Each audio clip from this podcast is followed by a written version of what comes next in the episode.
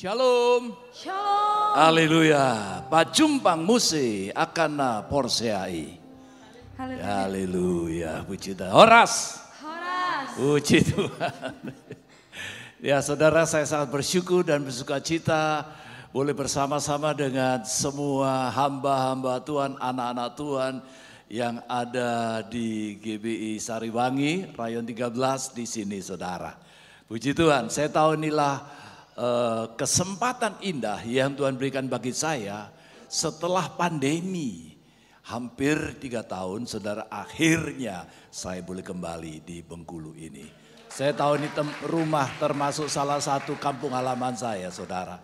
Karena sejak lebih kurang hampir berapa 20 tahun lebih mungkin saya sudah menginjakkan kaki di sini dan juga mulai merintis pelayanan di tempat ini. Haleluya puji Tuhan. Saudara saya tahu inilah perkenanan Tuhan bagi saya untuk boleh ada di tempat ini kembali. Berjumpa dengan para hamba-hamba Tuhan, anak-anak Tuhan semuanya yang sangat dikasih oleh Tuhan. Amin. Amin, puji Tuhan. Nah baik saudara, pesan firman Tuhan bagi hari ini dengan tema, tolong ditampilkan di PowerPoint. Ya, ada di PowerPointnya. Sudah? Baik, temanya adalah dipilih untuk menjadi besar. Dipilih menjadi besar dalam Tuhan. Sudah keluar? Udah, oke. Nah, di situ belum. Oke, baik saudara. Jadi saya percaya bahwa saudara semua yang ada di tempat ini, apa pun saudara latar belakang saudara, siapa pun kita dahulu sebelum mengenal Yesus, tetapi saudara dan saya adalah orang-orang yang dipilih oleh Tuhan. Mari lihat kiri kanan saudara katakan, Anda orang dipilih Tuhan. Saudara kita dipilih Tuhan untuk apa? Untuk menjadi besar di dalam Tuhan. Di dalam bahasa Inggrisnya, chosen man become great man in God. Dari hulu air mengalir, sampai muara ikan berenang. Dari dulu sebelum dunia diciptakan, Tuhan sudah pilih saudara jadi anak-anak Allah. Haleluya, puji Tuhan. C. Kita di pilih. Yeay.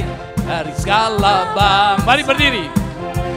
Kita dipilih jadi umatnya. Haleluya. Jadi pilih. Kuduskannya. Mulia bagi dia anda dipilih, Anda dipilih, Anda dipilih. Lihat kiri kanan saudara. Anda dipilih semuanya, Anda dipilih. Anda semua dipilih. Yeay, dipilih, kuduskannya. Saya dipilih. Saya dipilih. Oh, thank you Lord, haleluya. Oh, saya dipilih. jadi umatnya saya dipilih dari sekanya kemuliaan hanya bagi dia terimalah kemuliaan hormat kami terimalah sembah kami pujian kami. Ya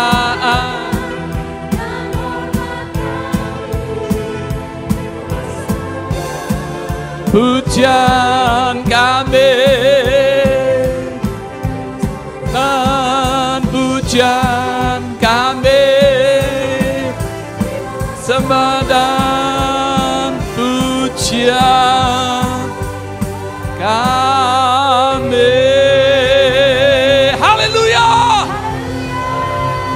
sebelum duduk lihat kiri kanan saudara kanan Anda dipilih Tuhan Anda dipilih Tuhan. saya dipilih Tuhan. Saya wow. dipilih Tuhan. Puji Tuhan, silakan duduk saudara.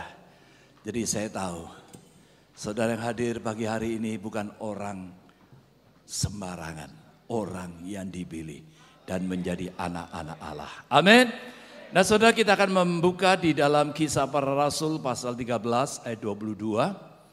Kisah para rasul pasal 13 ayat 22. Mari kita akan baca bersama-sama. Dua, tiga. Setelah Saul disingkirkan, Allah mengangkat Daud menjadi raja mereka. Tentang Daud, Allah telah menyatakan, Aku telah mendapat Daud bin Isai, seorang yang berkenan di hatiku dan yang melakukan segala kehendakku. Amin. Saudaraku yang kasih dalam Tuhan, setelah Saul disingkirkan Tuhan karena dia tidak menuruti kehendak Tuhan. Maka Tuhan mengangkat apa? Daud menjadi raja. Dan tentang Daud, Allah menyatakan luar biasa saudara. Aku telah mendapat Daud bin Isai. Saya percaya saat ini Tuhan telah mendapatkan Paul bin Nabi Tupulu, eh bukan, Wijaya Saudara, saya pengennya nanti kalau udah 70 napi 70, tapi ini belum, masih Wijaya dulu ya. Tuhan telah mendapat, sebutkan nama saudara. Siapa? Anton bin siapa? Anton bin siapa? Sulaiman. Wow. Ya saudara sebutkan nama saudara. Mari sebutkan nama saudara. Tuhan telah mendapat Paul bin Wijaya menjadi seorang yang berkenan di hati Tuhan dan yang melakukan segala kehendak Tuhan. Amin. Nah saudaraku yang kasih dalam Tuhan, kita semuanya, bayangkan Daud saudara, dia pernah jatuh dalam dosa. Tapi dia segera mengakui dosanya, bertobat dan tidak melakukan dosa yang sama. Ini penting. Sehingga Tuhan mengampuni dan Tuhan pulihkan hidupnya Tuhan mengangkat Daud sehingga Tuhan katakan aku telah mendapat Daud bin Isai seorang yang berkenan di hatiku dan melakukan segala kehendakku. Dan saya tahu saudara ini yang Tuhan mau hari-hari ini. Kita belajar daripada Daud saudara. Dia pernah jatuh, mungkin saudara pernah mengalami masa-masa yang sulit. Dulu memang kita masih hidup dalam dosa. Kita terima Yesus, disucikan oleh darah Yesus. Dan di dalam kehidupan kita sebagai orang percaya saat-saat mungkin sudah lemah. Sudah mungkin melakukan kesalahan-kesalahan. Tetapi mari segera datang kepada Tuhan. Dan kita bertobat kepada Tuhan. Amin. Saudara memang nanti dalam kalender Ibrani. Sesudah matahari terbenam. ya Ini memasuki satu tahun yang baru. Yaitu tahun yang disebutkan Pei Gimel 5783. Dan saudara memang melalui tahun Pegimel ini ada satu pesan Tuhan saudara. Supaya apa saudara? Supaya kita menjaga, P itu berarti mulut, gambaran mulut. Menjaga mulut kita, menjaga hati kita semua terhadap perkara-perkara yang tidak berkenan di hadapan Tuhan. Tetapi kita mau bertobat. Kita datang kepada Tuhan. Dan kita tidak melakukan lagi di dalam hidup kita. Amin. Dan saya percaya roh kudus yang akan mengurapi, memampukan kita untuk kita hidup berkenan di hadapan Tuhan. Amin. Nah saudaraku yang kasih dalam Tuhan, apa rahasia Daud? Sehingga Tuhan berkata, aku telah mendapat Daud bin Isai. Saudara saya percaya bahwa Tuhan memilih kita dan Tuhan akan menjadikan kita sebagai Daud-Daud di akhir zaman. Orang yang berkenan di hati Tuhan. Yang menyenangkan Tuhan. Menjadi anak-anak Tuhan yang senantiasa disertai, dipelihara. Dan diberkati Tuhan. Amin. Saya percaya inilah saudara semuanya. Saudara biarlah ini yang menjadi kerinduan di dalam hidup kita. Kita mau menyenangkan Tuhan, berkenan di hadapan Tuhan, saudara. Saudara yang pertama, di dalam 1 Samuel 16 ayat 6, 7 dan 12.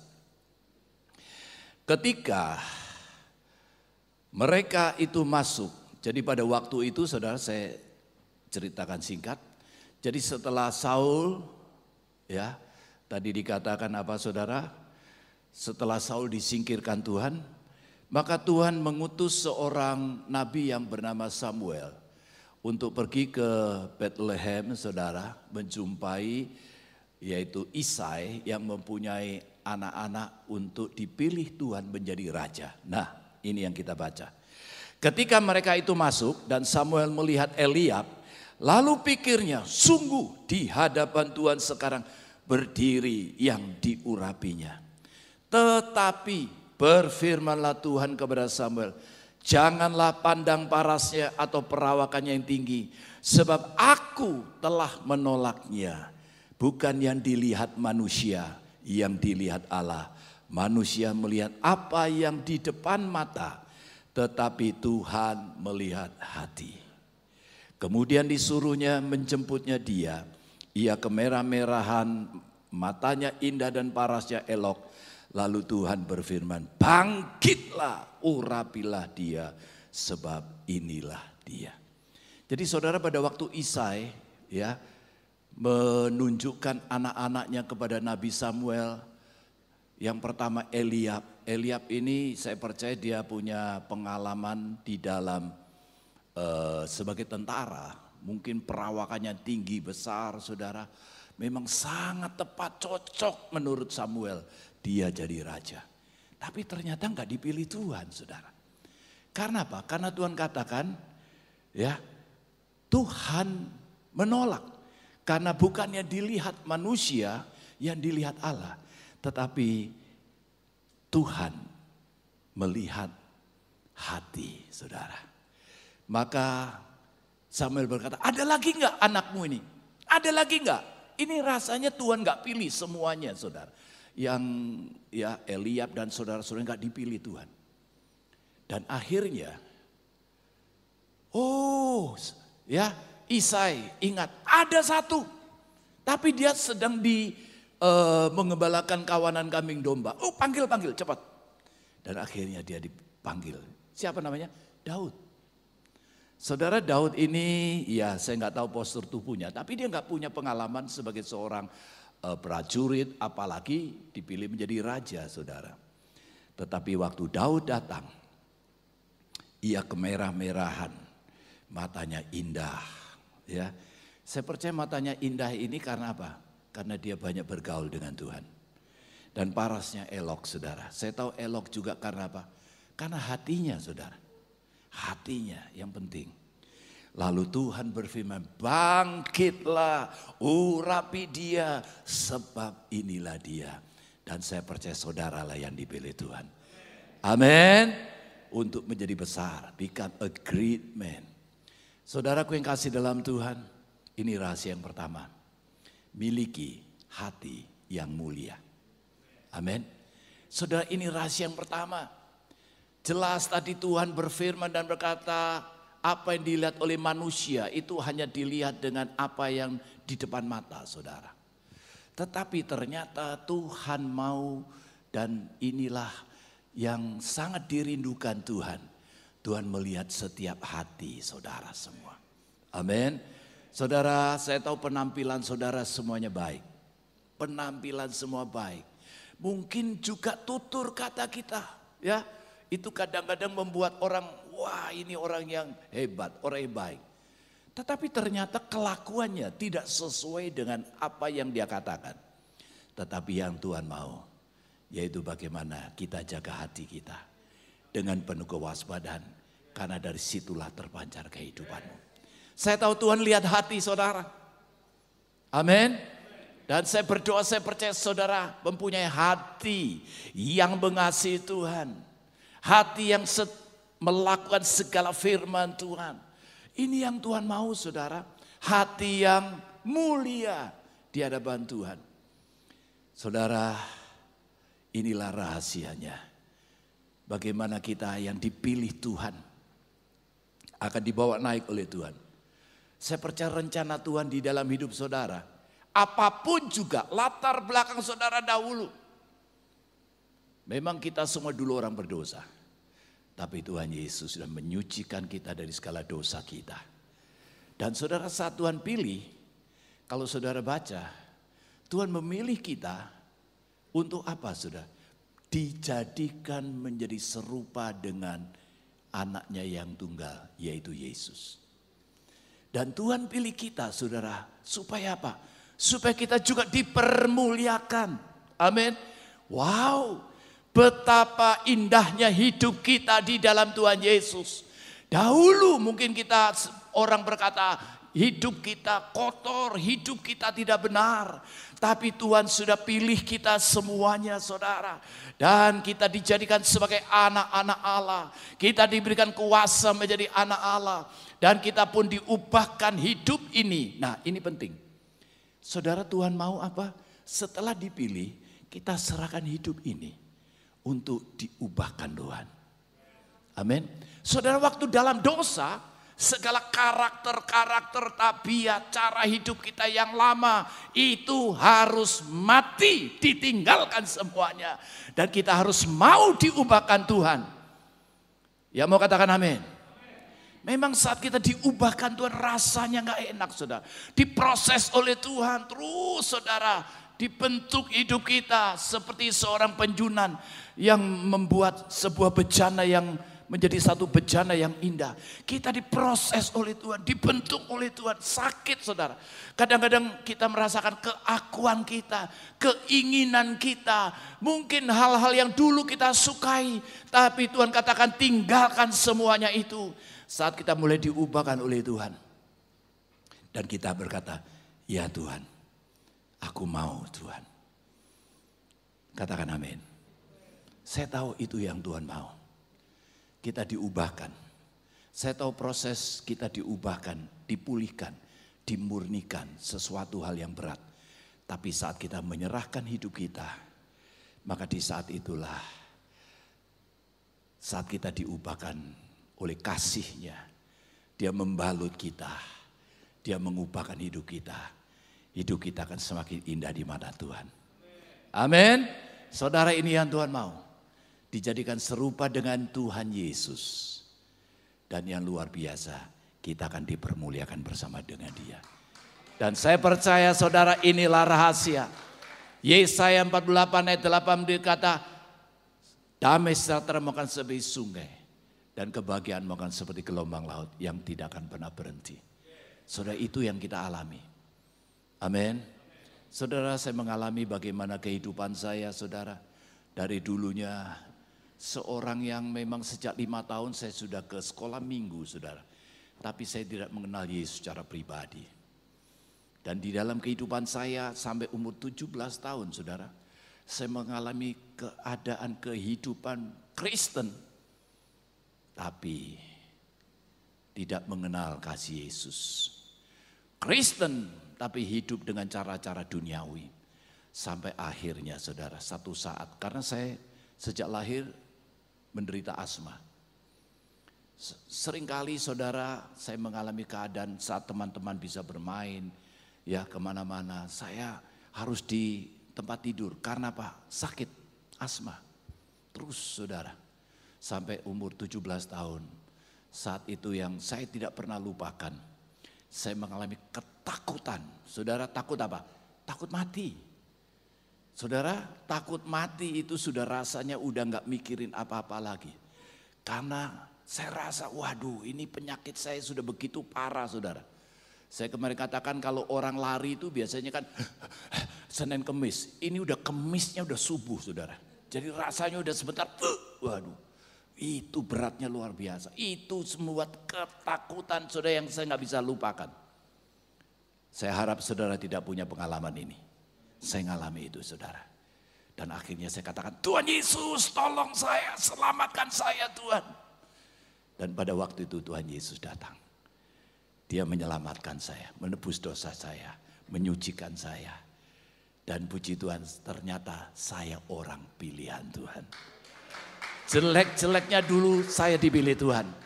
Siapa pun saudara juga yang ada di tempat ini, saudara orang yang dipilih Tuhan. Amin miliki hati yang mulia. Pertama, yang kedua.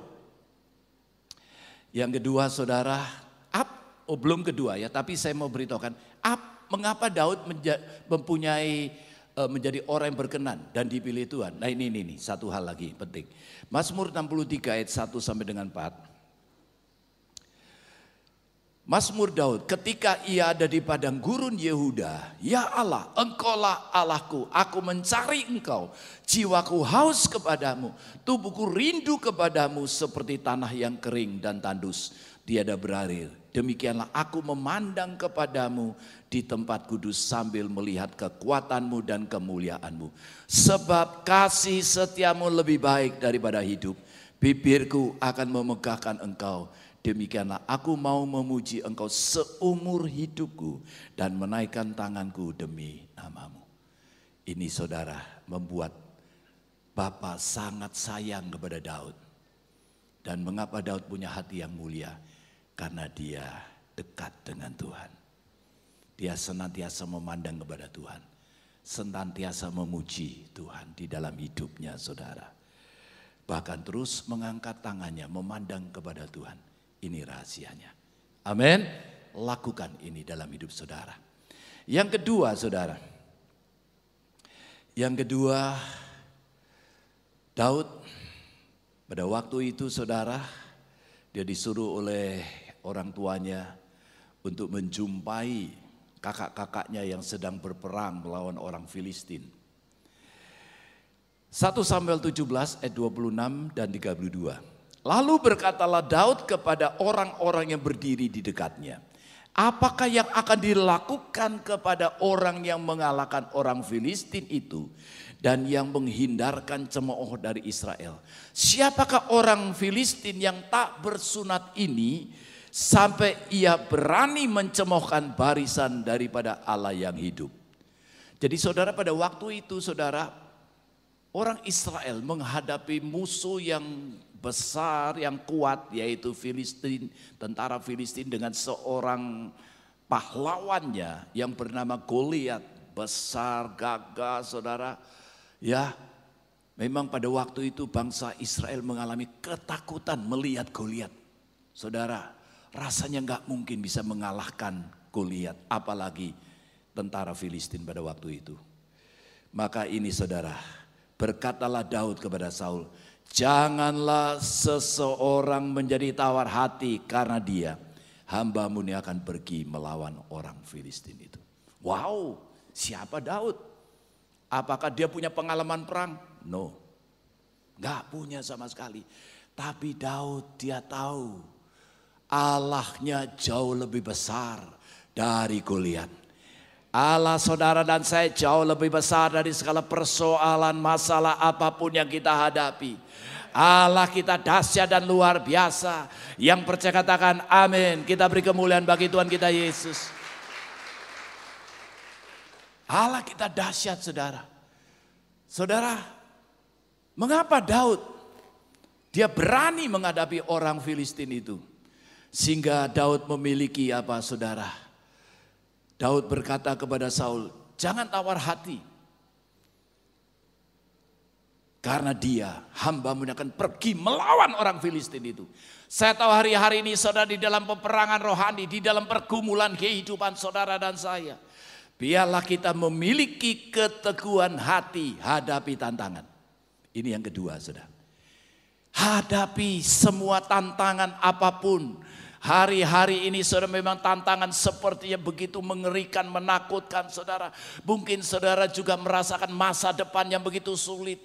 Keadaan sekeliling kita rasanya krisis terjadi saudara.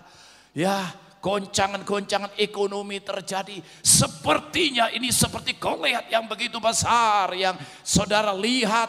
Mungkin saat ini saudara melihat itu saudara. Tetapi mari saudara Percayalah saat saudara memandang kepada Allah yang besar dan dahsyat. Saya akan melihat semua persoalan dan masalah saudara menjadi kecil.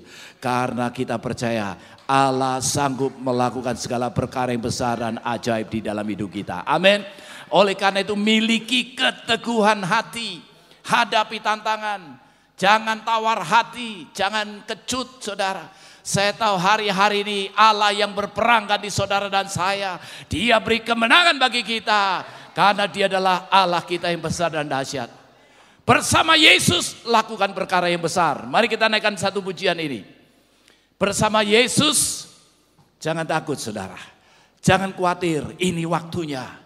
Kemenangan demi kemenangan Tuhan berikan bagi kita semuanya. Mari kita bangkit berdiri, saudara kita boleh bersama-sama naikkan pujian nih. Bersama Yesus. Ayo, Yesus. ya, oke. Sama Yesus. lakukan. Ya, oke. Saya yang pimpin ya. Ayo semua tepuk tangan dulu. Bersama Yesus lakukan perkara besar bersama Yesus. Tidak ada yang suka bersama Yesus Ada jalan keluar. untuk masalahmu. Oke. Untuk masalahku. Untuk masalah kita semua. Yeay! Yesus lakukan perkara besar bersama Yesus. Tidak ada yang suka bersama Yesus. Pasti jalan keluar untuk masalahmu, untuk masalahku, untuk masalah kita semua. Yeay!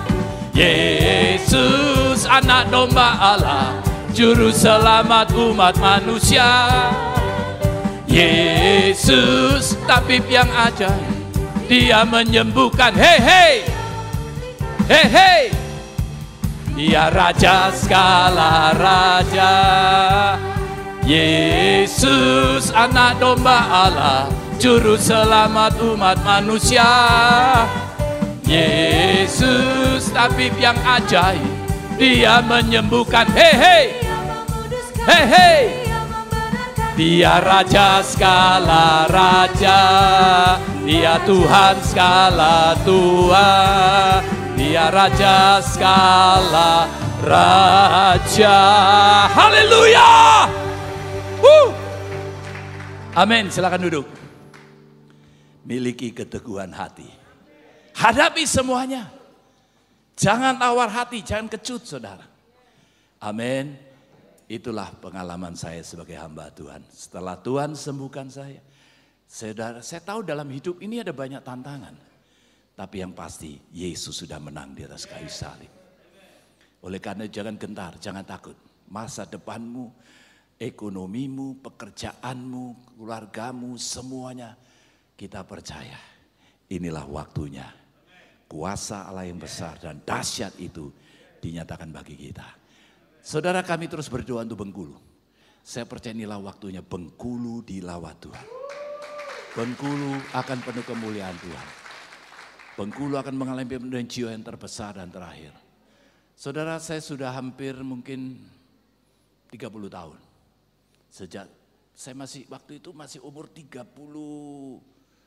tahun lalu berarti saya 37 tahun saudara. Saya lebih muda dari Pak Acen nih sebetulnya waktu itu. Waktu saya datang Bengkulu, saudara kami nginjil, saudara bersama hamba Tuhan pada waktu itu kami ke ke tahun, kami ke mana, kami ke Curup, kami ke Enggano, saudara, ya. Puji Tuhan, saya melihat Bengkulu sekarang sedang mengalami penuhan jiwa besar. Saudara saya diingatkan waktu saya datang Bengkulu, saya memu, ya, kita memulai ibadah di gedung bioskop. Nggak tahu nama bioskopnya apa, nggak tahu masih ada nggak bioskopnya. Eh? Bengkulu Theater ya. Nggak ada listrik saudara pakai eh, genset, pakai senter saudara kalau mau ada jemaat yang datang pakai senter ya dianterin ke kursi masing-masing. Saudara itu keadaan dan waktu itu nggak banyak yang datang. Tapi saya percaya saya bersyukur sekarang jemaat di GBI Rayon 13 sudah mencapai hampir 1.500 lebih. Saya tahu inilah kebesaran Allah. Saya percaya ini awal daripada kebangunan rohani yang besar untuk Bengkulu. Amin. Dan yang ketiga, saudara yang terakhir, yang terakhir adalah apa saudara? Saudara di dalam 2 Samuel 16 ayat 10 sampai 12. Tetapi kata raja, apakah urusanku dengan kamu? Hai anak-anak Seruya, biarlah ia mengutuki.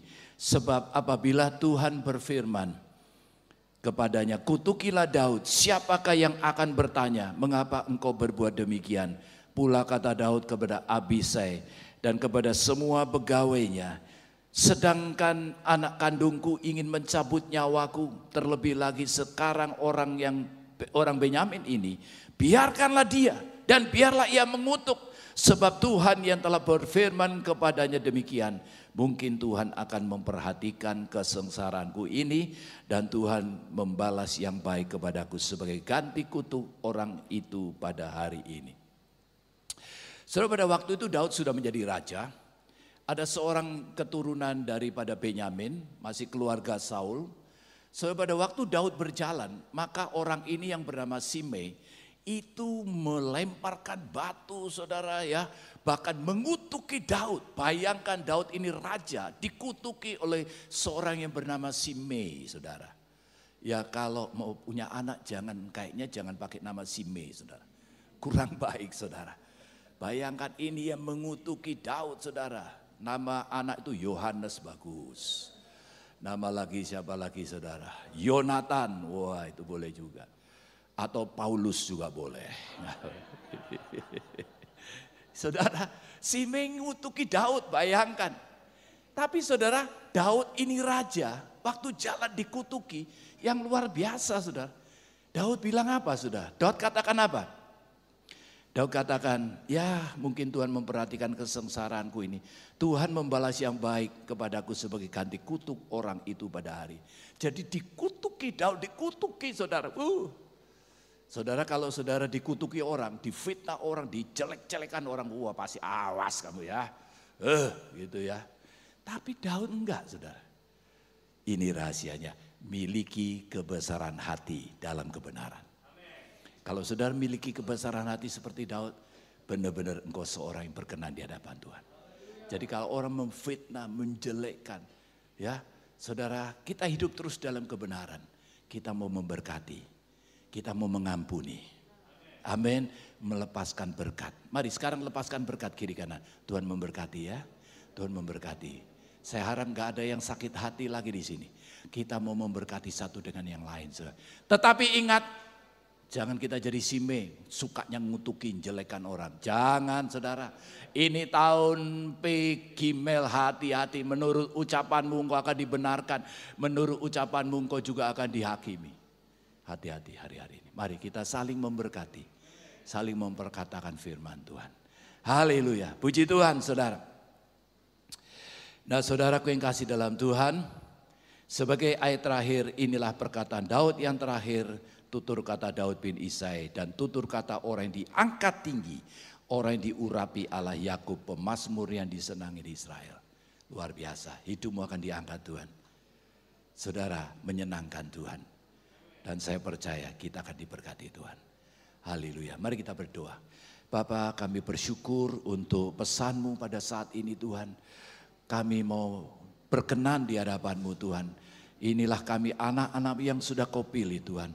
Kami mau menyenangkan engkau di dalam hidup kami Tuhan Yesus. Tuhan berikan hati yang mulia Tuhan. Berikan hati yang punya keberanian untuk hadapi apa pun. Karena kami tahu Allah kami besar dan ajaib dan berikanlah kebesaran hati di dalam kebenaran-Mu Tuhan. Terima kasih Tuhan. Dalam nama Yesus berdoa. Haleluya. Amin. Puji Tuhan. Nah saudara, bersama saya tentunya istri saya. ya. Pokoknya saya ke mana pasti istri saya hadir.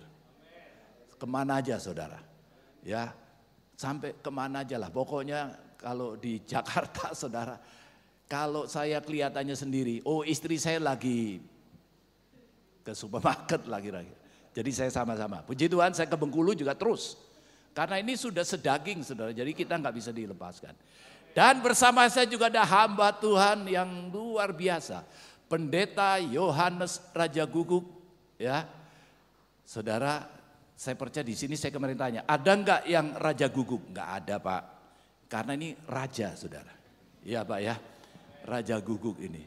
Ada yang namanya Raja Guguk nggak? Kalau ada, oh Aritonang. Oh sama ya? Oh gitu, oh iya iya, iya betul. Kemarin Ari Bapak Opung Aritonang dengan apa kalau istrinya itu? Ya pokoknya itu memang ada Raja Guguk. Oh Aritonang lebih tinggi dong berarti ya. Siapa Aritonang di sini? Eh? Tahu aja ya, tapi nggak ada kan? Oh ya nggak ada, puji Tuhan. Yang ada cuman Raja Guguk bersama dengan istri Olha Raja Guguk. Tapi ini Olha juga sebetulnya uh, Huta Gaul, saudara. Jadi ini Ibu Olka ini Batak dan Toraja. Kalau Pak Yohanes Raja Guguk ini Batak dan Manado. Wow, ini nasional.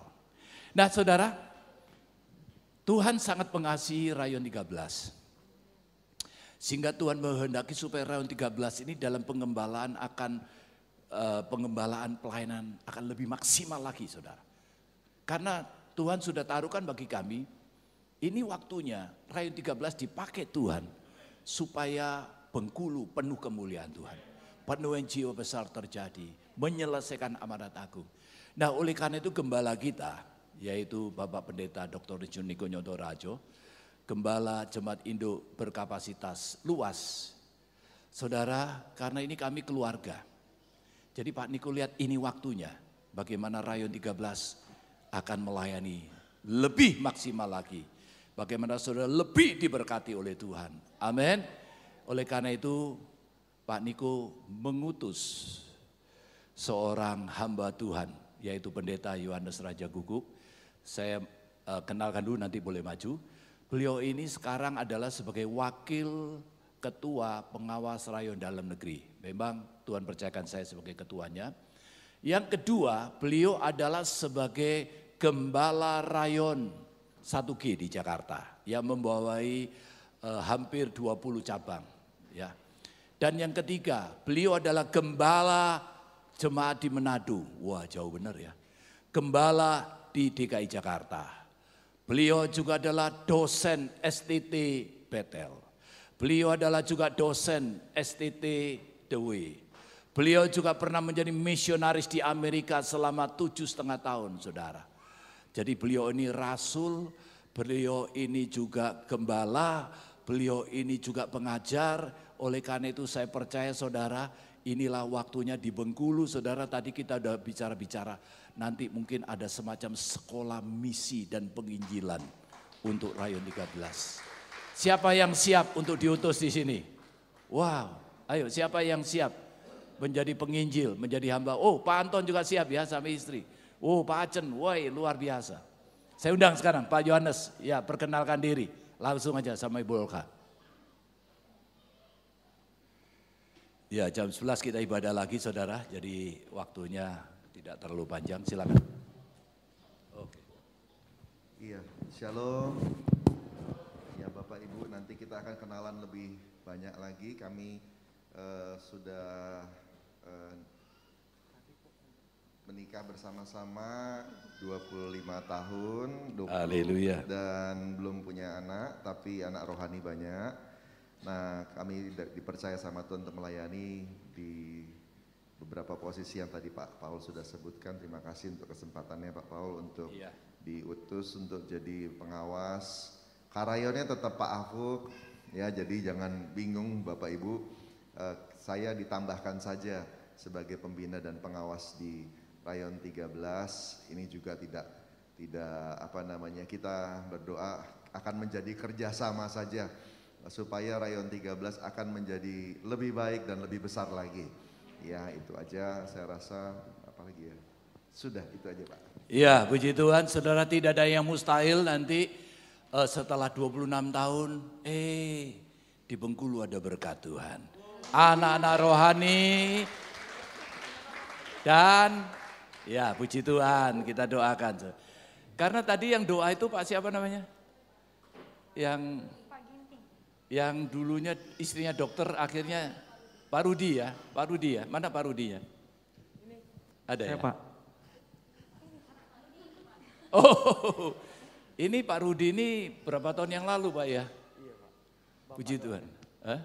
Bapak yang doakan saya dulu. Oh begitu ya, nanti kita doain lagi lah Pak Yohanes. Ya, jangan. Oh.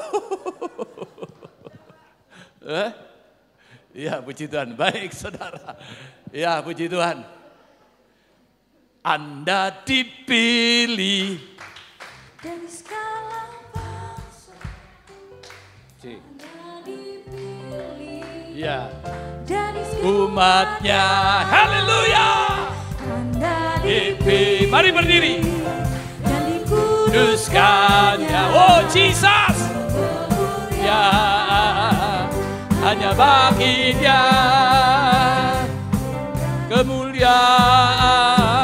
dan hormat kami terimalah sembah kami pujian kami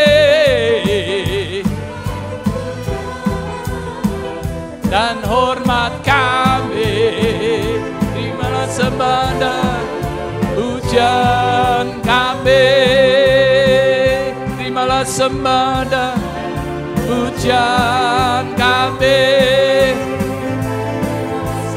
Dan pujian kami.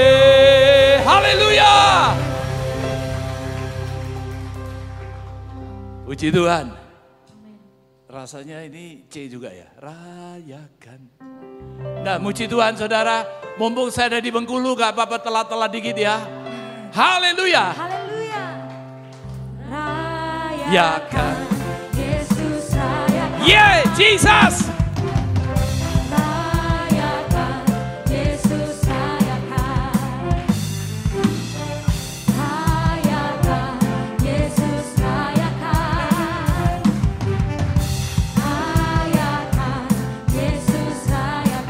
dia bangkit. Dia bangkit. yeah Jesus. Bangkit. ada itu selamanya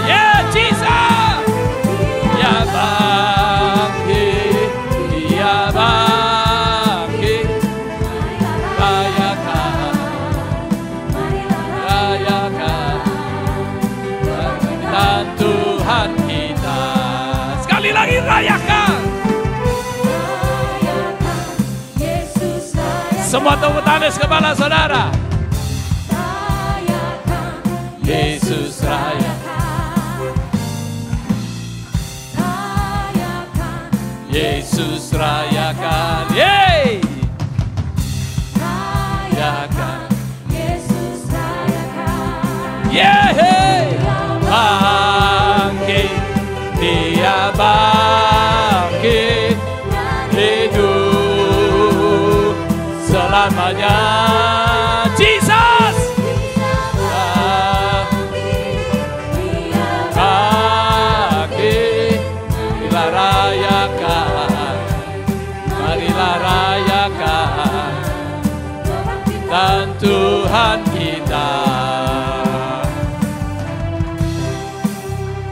marilah rayakan marilah rayakan. Sekali lagi marilah rayakan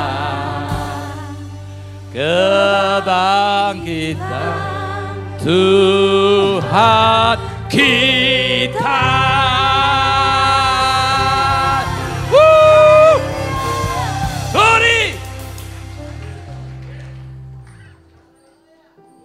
Ibadah jam 11. Segera kita akan memulai. Lima menit lagi boleh naikkan pujian. Sekali lagi sebelum nanti sore ini saya pulang ke Jakarta saudara. Saya senang ketemu dengan semua anak-anak Tuhan yang dikasih Tuhan. Haleluya puji Tuhan. G aja G, G. Sekarang telah tiba Jesus.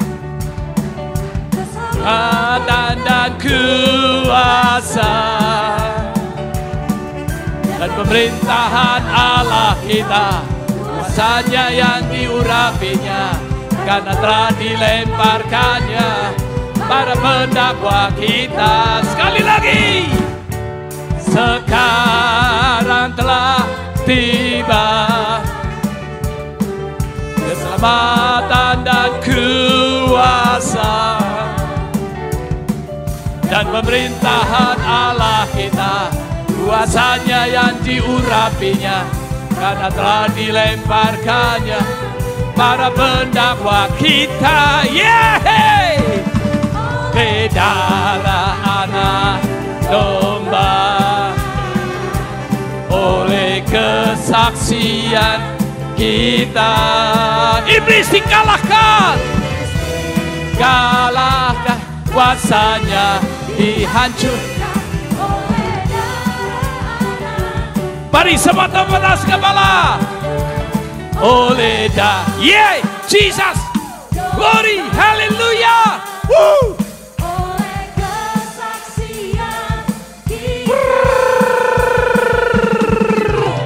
Dikalah, iblis sudah dikalahkan oleh dar domba, oleh